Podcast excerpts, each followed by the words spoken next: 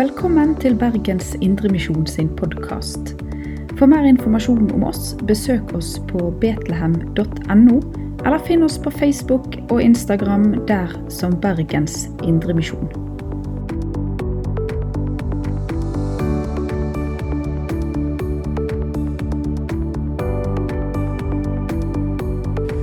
Tusen hjertelig takk for uh, nydelig sang, for at dere inviterer oss inn i det.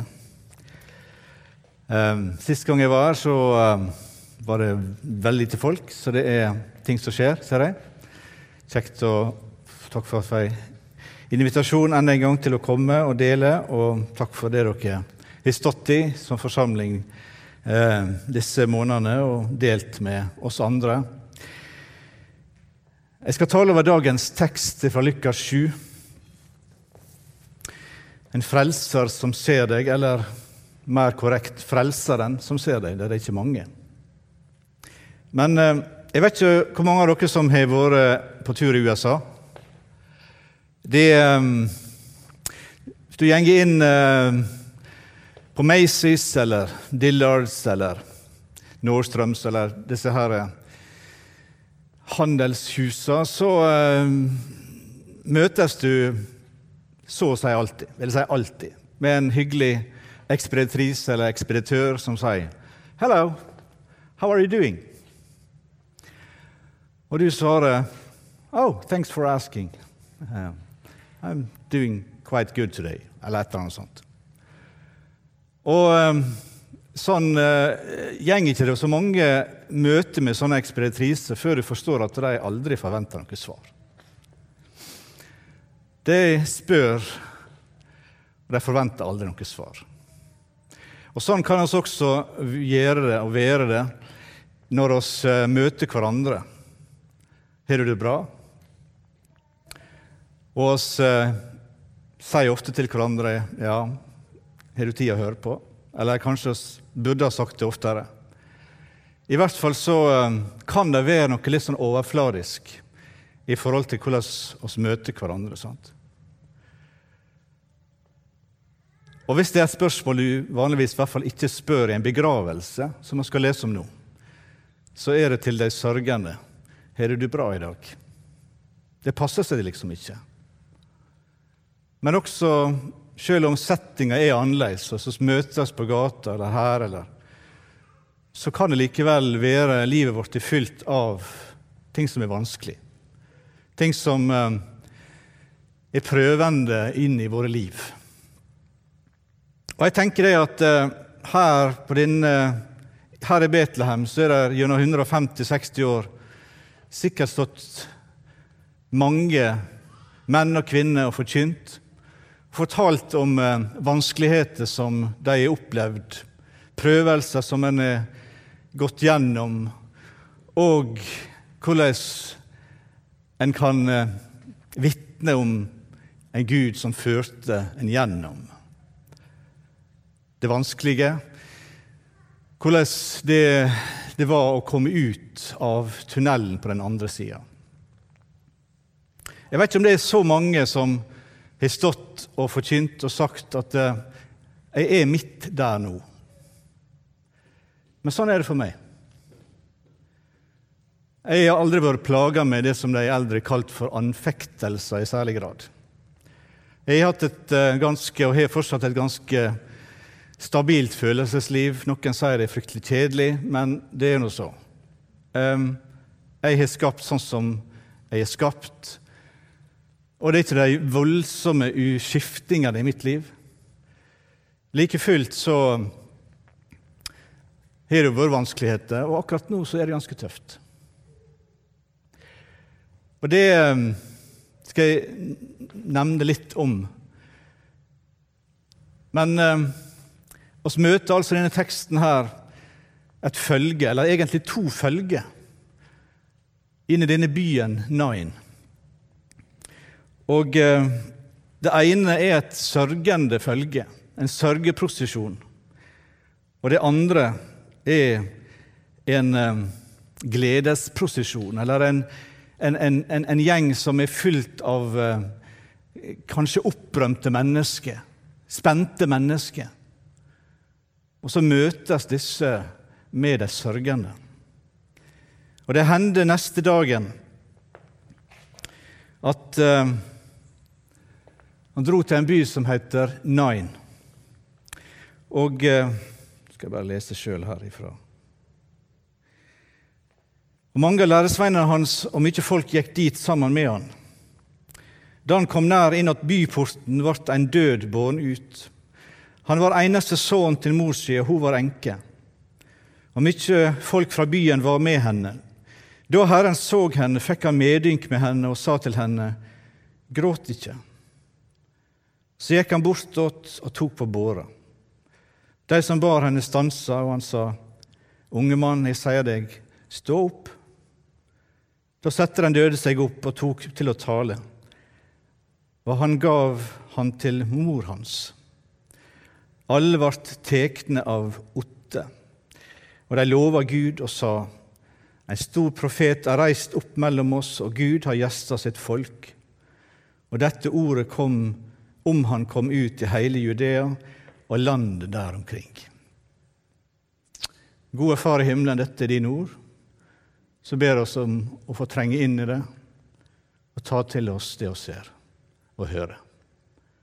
Amen. La oss altså prøve å sette oss inn i denne situasjonen. To prosesjoner som møtes i denne lille byen Nain, som fortsatt er en liten by, en fattig by litt sør for Nasaret. En ligger oppi ei bratt skråning og ei gate der det var hogga ut eh, grotter eller sånne begravelseshuller inn i sidene. Der er det altså et sørgetog som er på vei. Og eh, Jesu og hans følge gjenger opp de bratte skråningene opp til denne lille byen, og så møtes det der. Og som sagt, I Jesu følge så var det noen som var oppglødde og spente. Dagen før så hadde de vært vitne til at Jesus hadde helbreda tjeneren til en romersk offiser.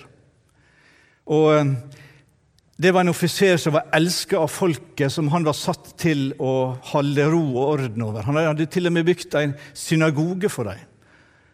Han var høyt elska. Derfor så var altså folket i, eh,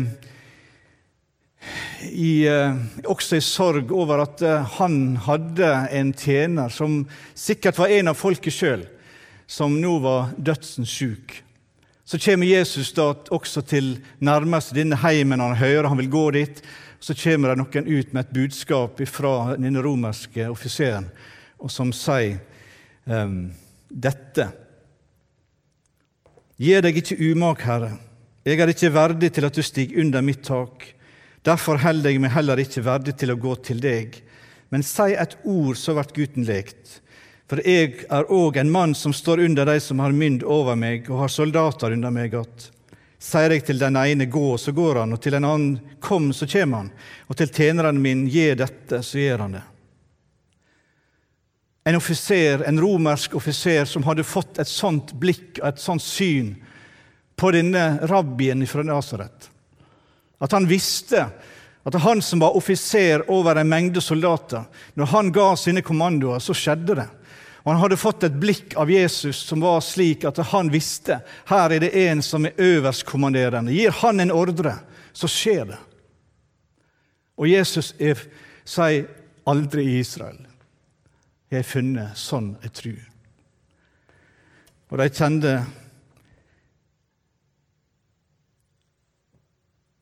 på en ærefrykt for Gud og det som skjedde. Kanskje de kjente mer og mer av Guds vesen i denne mannen fra Nasaret. Han som de fulgte, han som de gikk bak, han som de, de, de, de så og hørte.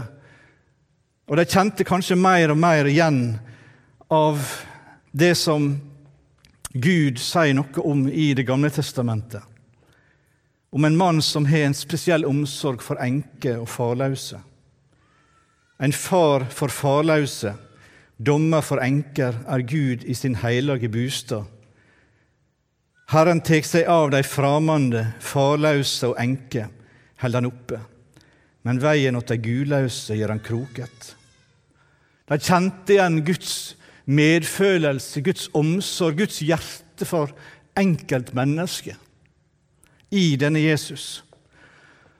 Og de oppklødde Jesus sitt følge støtter altså denne dagen sammen med en prosesjon av mennesker i sorg. Ikke bare fulgte de ei kvinne som noen få år hadde mista mannen sin, men de fulgte ei kvinne som hadde mista den eneste gutten sin, den eneste som kunne gi et, et håp om en noenlunde eh, respektabel og god alderdom hennes garanti for livet. Livet hadde fallet totalt i grus, og nå ligger gutten hennes på ei, ei båre, ei enkel båre, tulla inn i noen klesfiller.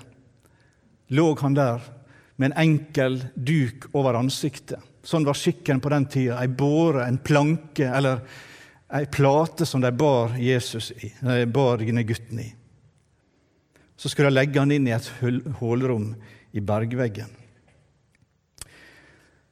Men Herren så henne. Herren så henne. Jeg vil ta med Hagar sitt vitnemål, som det står i Første Mosebok kapittel 16.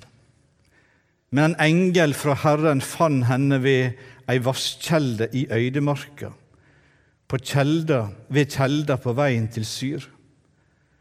På Herren som hadde tala til henne, sette hun navnet Du er Gud, Han som ser.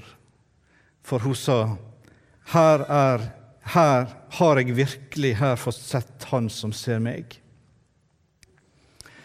Den samme engelen som åpenbærer seg for Moses der ved den brennende klungerbusken der ute i ørkenen. Og Da Moses ville se dette underfyllende synet nærmere, så roper Gud ut av denne busken. Herrens engel, slik Kristus åpenbarer seg i Det gamle testamentet. Det var denne Gud som ser Hagar, og som hun vitner om. Har jeg virkelig fått sett, fått se Han som ser meg? Ja, han er en Gud som ser. Og det var blikket fra denne Gud som møtte kvinna i Nain denne dagen. Hvor godt passer det vel ikke med disse ordene ifra Salme, eh, Salme 10, som jeg ikke tok med her. Salme 10, vers 14. Du har sett det, for du ser ulykke og plage, og du tek det i di hand. Den vergeløse gjev sin sak over til deg, for du hjelper den farløse. Vi kan oppleve mange slags livskriser gjennom livet. Og For mange så kan det også føre til ei truskrise. Hvor er du? Hvor er du, Gud? Ser du meg? Og i Salme 10, vers 1.: Hvorfor står du så langt borte, Herre? Hvorfor skjuler du ansiktet ditt i tide med trengsel? Og Der finnes mange sitat om akkurat det, om salmister, om mennesker som satte sin lit til Gud, og som er i sitt djupe, djupe mørke. Hva var den Gud for denne kvinna? Da hun noen år før hadde fulgt sin mann til grava. Hadde ikke den aronittiske velsignelsen lytt over henne så mange ganger? Herren la sitt åsyn lyse over deg og være deg nådig. Hvor var Gud da gutten henne anda ut? Hvor var Gud da sorg og ulykke rammer deg og ditt liv. Da du mista noen som var alt for deg. Da du spontanaborterte. Da du fikk et barn som var annerledes. Da du kjente på den djupe angsten. Da du så at barna som du hadde bedt for, sier de var bitte, bitte små, ja, før de var født, de velger, valgte en annen vei vekk ifra den Herre Jesus Kristus. Da ektefellen forlot deg, da du fikk økonomiske bekymringer og fikk ikke endene til å møtes, da mennesket du hadde sett opp til, skuffa deg så brutalt og svikta deg.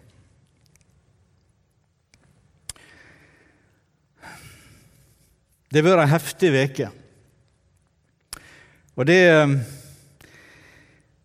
Jeg husker tilbake til 11. Eh, mars i, eh, i fjor. Jeg satt på et hotell borte i California, var på studietur. Og fikk en telefon. Jeg husker det godt det var 11. mars, for den 12. mars så måtte vi bare hive oss på et fly og komme oss hjem igjen så fort som mulig. For det var sagt at landet kom til å stenge. Så det var den 11. mars, tidlig om morgenen, når jeg fikk telefonen om at uh, dette skoleprosjektet som vi uh, sette i gang oppe på Sunnmøre Det kom ikke til å koste 40 millioner, sånn som vi hadde planlagt. Det kom til å koste 65 millioner.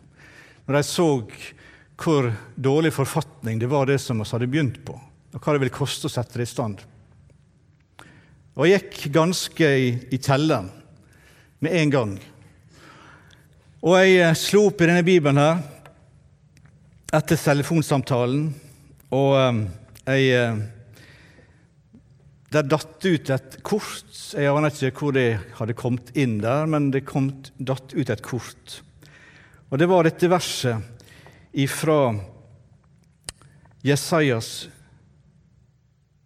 45, vers 3, som datt ut.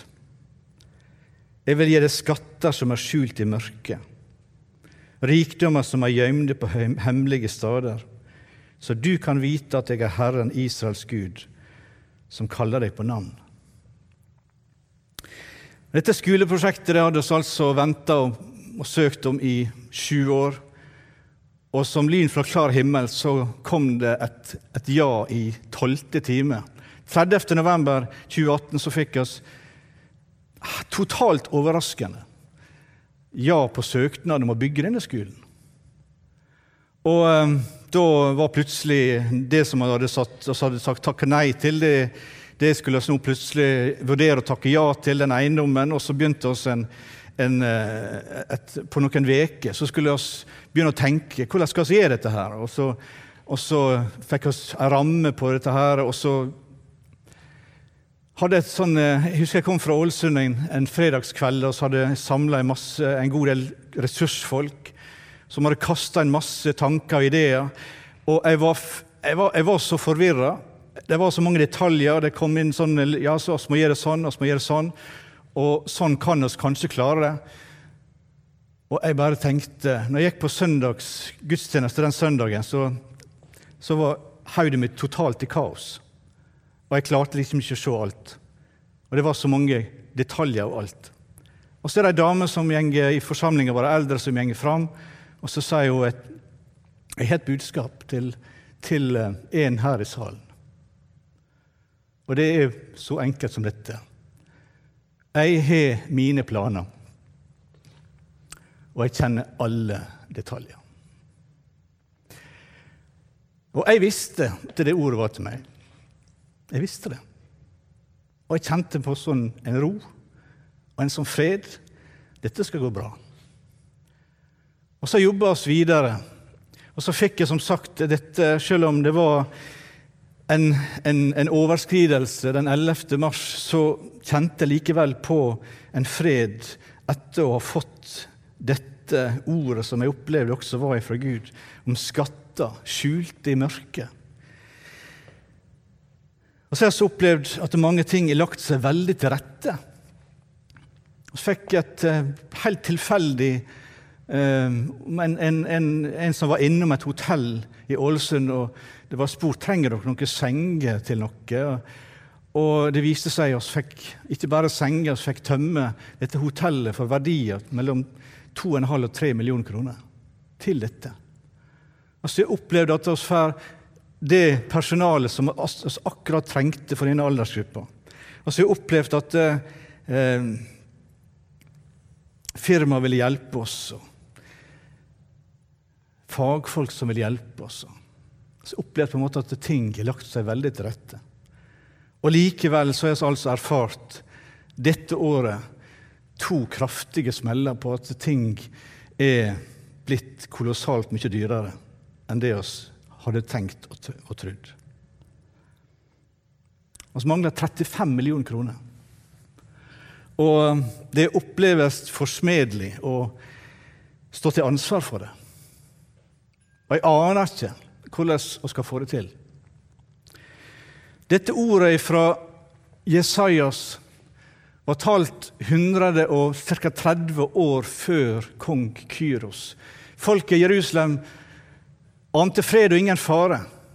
Men det kommer en profeti om en person som heter kong Ky eller en Kyros, en totalt ukjent person. Men eh, Gud reiste altså opp en hedensk konge og salva han til å være et redskap for Gud, slik at han, når han kom til makta, sånn cirka litt før 70 år etter dette folket har blitt bortført til Babylon, så ble altså kong Kyros satt inn som konge. Og Måten det skjedde på, er helt spesielt. Jeg skal ikke komme inn på det. Men han blir satt inn som konge, og han gir beskjed om at dette folket skal få reise tilbake, bygge opp Jerusalem, bygge opp tempelet. Et, en hedens konge som blir et redskap salva av Gud til å gjennomføre Guds vilje.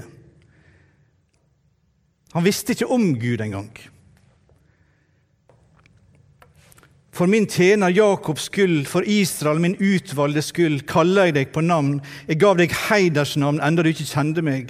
Jeg er Herren, og det fins ingen annen. For uten meg er det ingen Gud. Jeg spente belte om deg, enda du ikke kjente meg, så de både i øst og vest skal vite at det fins ingen annen enn jeg. Jeg er Herren, det er ingen annen. Det er jeg som er opphavet til lyset, som har skapt mørket, som gir lykke og skaper ulykke. Jeg, Herren, gjør alt dette. Det himler, la det regne ovenfra, la rettferd strømme ned fra skyene. La jorda åpne seg, så hun kan bære frelse som frukt, og sammen med den skal hun la rettferd spire. Jeg, Herren, skaper dette.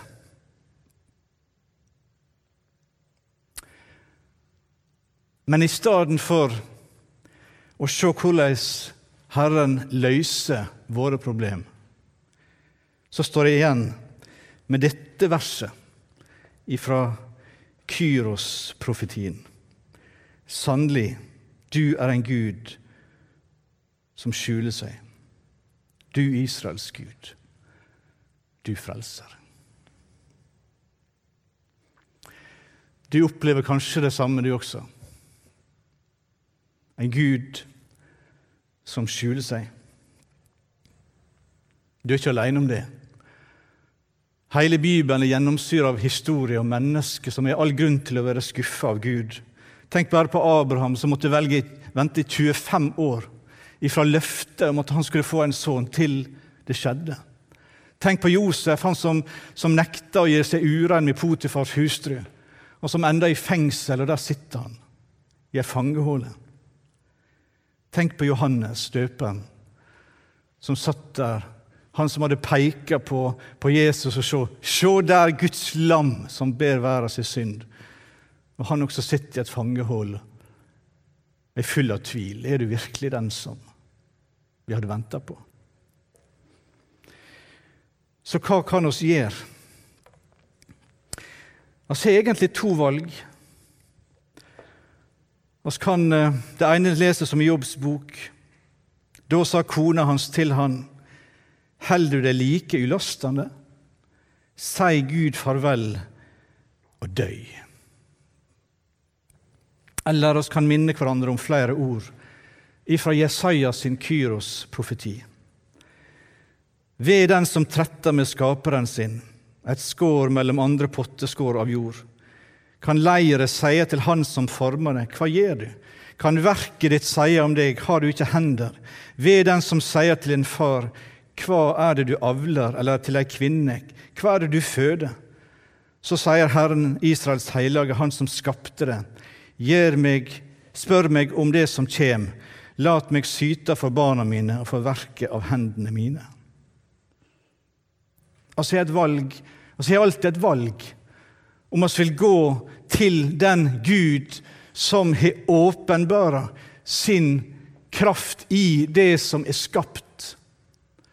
Vi har et valg om vi vil gå til den Gud som har gitt oss det profetiske ord, som forteller oss hva som skal skje, lenge før det skjer. Vi har et valg om vi vil holde oss til Han og hans løfte, det Han har lovt. Han som er truløs, han som er trufast, selv om oss er truløse. Vi kan sette vår lit til Han som ser. Han som gjenger bort til ei enkel båre i Nain. Han som stopper opp og berører denne båra, slik at andre oppfatter at nå blir han urein ved å røre ved det ureine. En mann full av medkjensle, av følelser, som bryter alle skikker, og som gjør sitt under i sin tid. Vi må innfinne oss med et ord som stender mange ganger i Bibelen, spesielt i Salmenes bok. Salme 5, vers 4. Om morgenen hører du mi røst, Herre. Om morgenen legger jeg min sak framfor deg og venter. Å vente. Vi bor i en verden som er så ødelagt av synd, av, så, av det som oss elsker, det oss verdsetter og arbeider for. Og sørger for over ting på det menneskelige plan, ting som er nevnt før nå i preika, og sørger kanskje altfor lite over den åndelige nød som er i samfunnet vårt, og som Gud kaller oss til å gå i hans tjeneste, gå i hans plan, for å hjelpe mennesket, ikke bare med, med det menneskelige behov, sånn som dere her i Bergen Indremisjon hjelper rusavhengige og eldre men også hjelpe mennesket i den åndelige nød. Og sørge oss, har oss like stor sorg over de som er åndelig døde, som den menneskelige nød. Det er langt mer alvor over den åndelige død enn over kroppslig død. Og Jesus Kristus han har makt til å reise opp ifra det døde. Han reiste opp denne gutten til mora sin enorme glede, og sette nok enda større pris på gutten sin etter dette enn hun hadde gjort før. Jesus Kristus kan gjøre større under enn det. Han kan vekke åndelig døde mennesker til live. Han seier over døden, han seier over djevelen, han seier over alt det vonde. Da han viste seg som seiersherre. Da Guds lam, Guds fullkomne lam, lot seg nagle til et kors på Golgata, så vant han seieren over sin død og oppstandelse. Han lever. Han er den samme. oss må vente på hans frelse og hans hjelp. Jeg vil avslutte med noen ord ifra Charles Haddon Spurgeons preike, som han holdt om denne teksten i 1862, eller hva det var. Den velsignede Frelseren så alt på ett øyeblikk. Ut av prosesjonen pekte han ut den dypt sørgende og leste hennes innerste hjerte. Han var alltid øm imot mødre. Han rettet blikket mot enken, for han visste at hun var slik hun var, uten å bli informert om det. Den døde gutten er hennes eneste sønn. Han oppfatter alle detaljene, og ingenting er skjult for hans uendelige sinn. Å, unge mann, Jesus vet alt om deg. Jesus, som er usynlig til stede denne morgenen, fester blikket mot deg i dette øyeblikket. Han har sett tårene til de som har grått over deg. Han ser at noen av dem fortviltes over deg og er i din store sorg, sin store sorg, som opptrer som sørgende i begravelsen din. Jesus så alt, og det som var mer, han gikk inn i det hele. Å, hvor vi burde elske vår Herre, Han som tar så godt hensyn til våre sorger, og spesielt våre åndelige sorger over andre sjeler. Du, kjære lærer, vil at klassen din skal bli frelst. Jesus føler med deg. Du, kjære venn, har du, vært, du har vært trofast i å vinne sjeler. Vit at i alt dette er dere arbeidere sammen med Gud. Jesus vet alt om vår trang i sjelen, og han er ett med oss der. Våre vanskeligheter er bare hans egne vanskeligheter som er lagt inn over oss, i henhold til vårt ydmyke mål. Når Jesus går inn i arbeidet vårt, kan det ikke mislykkes. Gå inn, Herre, i arbeidet mitt på denne tiden. Jeg ber deg, og velsign dette svake ordet til mine tilhørere. Jeg vet at hundrevis av troende sier Amen. Du har lytta til Bergens Indremisjon sin podkast. For mer informasjon om oss, besøk oss på betlehem.no, eller finn oss på Facebook og Instagram der som Bergens Indremisjon.